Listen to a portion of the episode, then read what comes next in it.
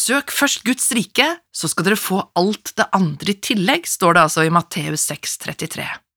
Alt det andre, det kan være mange ulike ting, men sammenhengen dette verset står i, er knyttet opp mot det materielle. Det er jo en konkret utfordring for oss i 2022. Å søke Guds rike kontra vår rikdom. I Matteus 19 så kan vi lese om at det var en ung mann som kom til Jesus og spurte hva godt han skulle gjøre for å få evig liv. Og når Jesus sier at han skal holde budene, så svarer mannen at det har han gjort helt siden han var ung. Jesus sier, Vil du være helhjertet, gå da bort og selg det du eier, og gi det til de fattige, da skal du få en skatt i himmelen, kom så og følg meg. Men da den unge mannen hørte det, gikk han bedrøvet bort, for han eide mye. Jesus sa til disiplene, Sannelig, jeg sier dere, det er vanskelig for en rik å komme inn i himmelriket. Ja, jeg sier dere, det er lettere for en kamel å gå gjennom et nåløye enn for en rik å komme inn i Guds rike. Da disiplene hørte dette, ble de helt forskrekket og spurte, Hvem kan da bli frelst? Jesus så på dem og sa, For mennesker er dette umulig, men for Gud er alt mulig. Jesus var jo ikke ute etter å ta den unge mannen. I Markus så står det i denne historien at Jesus så på han og fikk han kjær, han brydde seg om hva som ville være det beste for den unge mannen.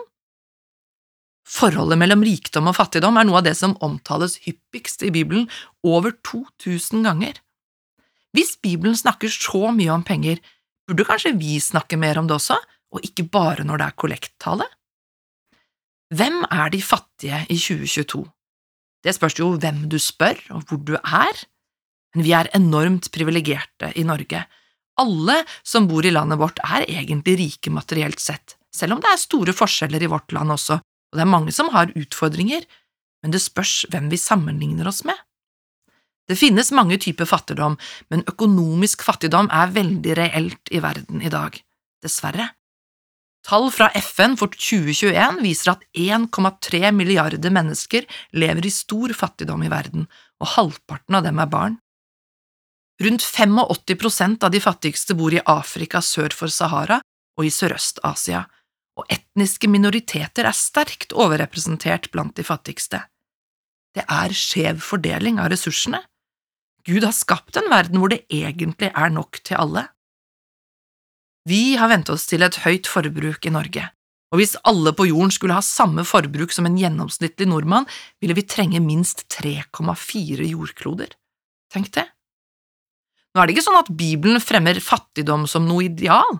Tvert imot så nevnes rikdom flere steder som tegn på Guds velsignelse, men pengene må tjene oss, ikke vi pengene.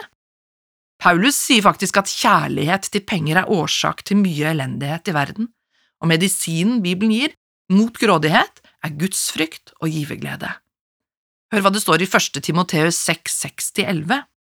Ja, gudsfrykt med nøysomhet er en stor vinning, for tomhendte kom vi inn i verden, og tomhendte må vi forlate den. Har vi mat og klær, skal vi nøye oss med det. Men de som vil bli rike, faller i fristelser og snarer og gripes av mange slags tåpelige og skadelige begjær som styrter mennesker ned i undergang og fortapelse. For kjærlighet til penger er roten til alt ondt. Drevet av den er mange ført vill bort fra troen og har påført seg selv mange lidelser. Legg merke til at det står her de som vil bli rike, ikke nødvendigvis de som er rike. Gud har alltid hatt et spesielt hjerte for de fattige. Kan du og jeg si at vi har det samme? Moseloven la vekt på at de fattige fikk muligheter, for eksempel ved innhøstning og ettergivelse av gjeld, og etterfølgere av Jesus har alltid vært opptatt av de som faller utenfor i samfunnet. Derfor er kirkehistorien full av eksempler på barmhjertighetsarbeid og hjelpearbeid. Overalt der evangeliet blir forkynt, er det å ta seg av fattige sentralt, fordi det har med kjernen i Guds rike å gjøre. I Jakob 2 vers 1–6 leser vi, Mine søsken, dere kan ikke tro på vår Herre Jesus Kristus og samtidig gjøre forskjell på folk. Sett at det kommer to menn inn i forsamlingen deres, den ene i staselige klær og med gullring på fingeren, den andre fattig og i skitne klær. Så legger dere merke til han med de staselige klærne og sier, Vær så god, her er en god plass. Men til den fattige, du kan stå der, eller sett deg her ved føttene mine. har dere ikke da skapt et skille blant dere? Er dere ikke blitt dommere med onde tanker? Hør, mine kjære søsken, har ikke Gud utvalgt de fattige i verden til å være rike i troen og til å arve det riket han har lovet dem som elsker ham? Men dere har foraktet den fattige. Og i Jakob 2,15 står det, Sett at en bror eller søster ikke har klær og mangler mat for dagen, og en av dere sier til dem, Gå i fred, hold dere varme og spis dere mette. Hva hjelper det dersom dere ikke gir dem det kroppen trenger?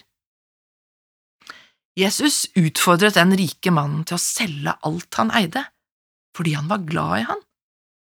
Hva hadde egentlig mannen i Matteus 19 gjort galt? Egentlig var det ikke et problem at han var rik, utfordringen var hva som ble det viktigste for han, og da han måtte velge å følge Jesus eller å beholde rikdommen sin, så valgte han pengene. Dette gjelder oss i dag også, hva setter vi øverst, Gud eller vår materielle rikdom?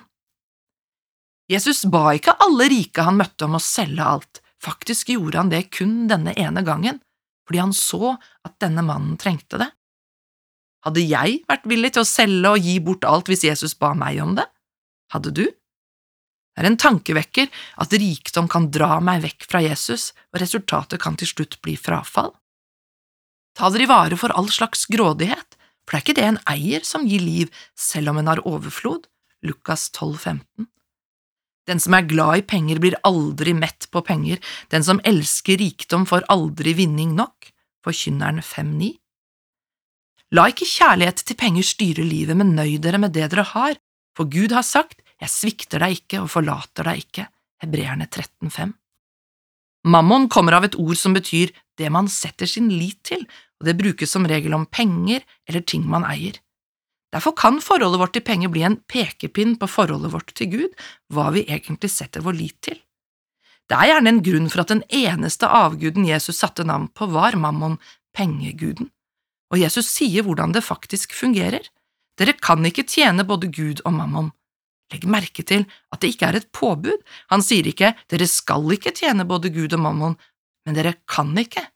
Jesu lære er sann, enten vi tror det eller ikke, hans ord om penger stemmer med virkeligheten.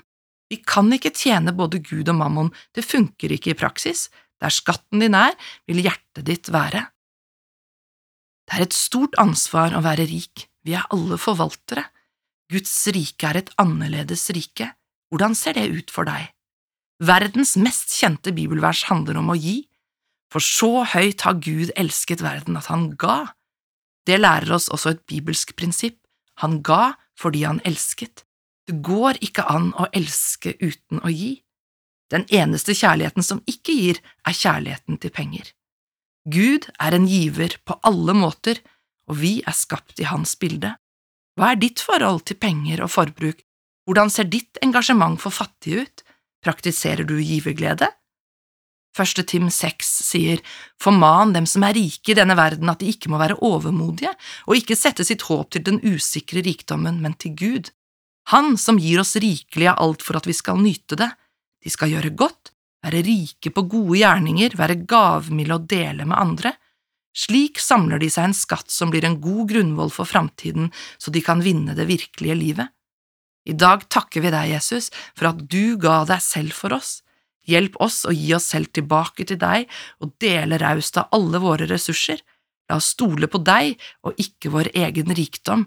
La oss vinne det virkelige livet. Amen. Marianne Braseth delte Guds ord med oss i Over bibel i dag. Serien produseres av Norea Mediemisjon.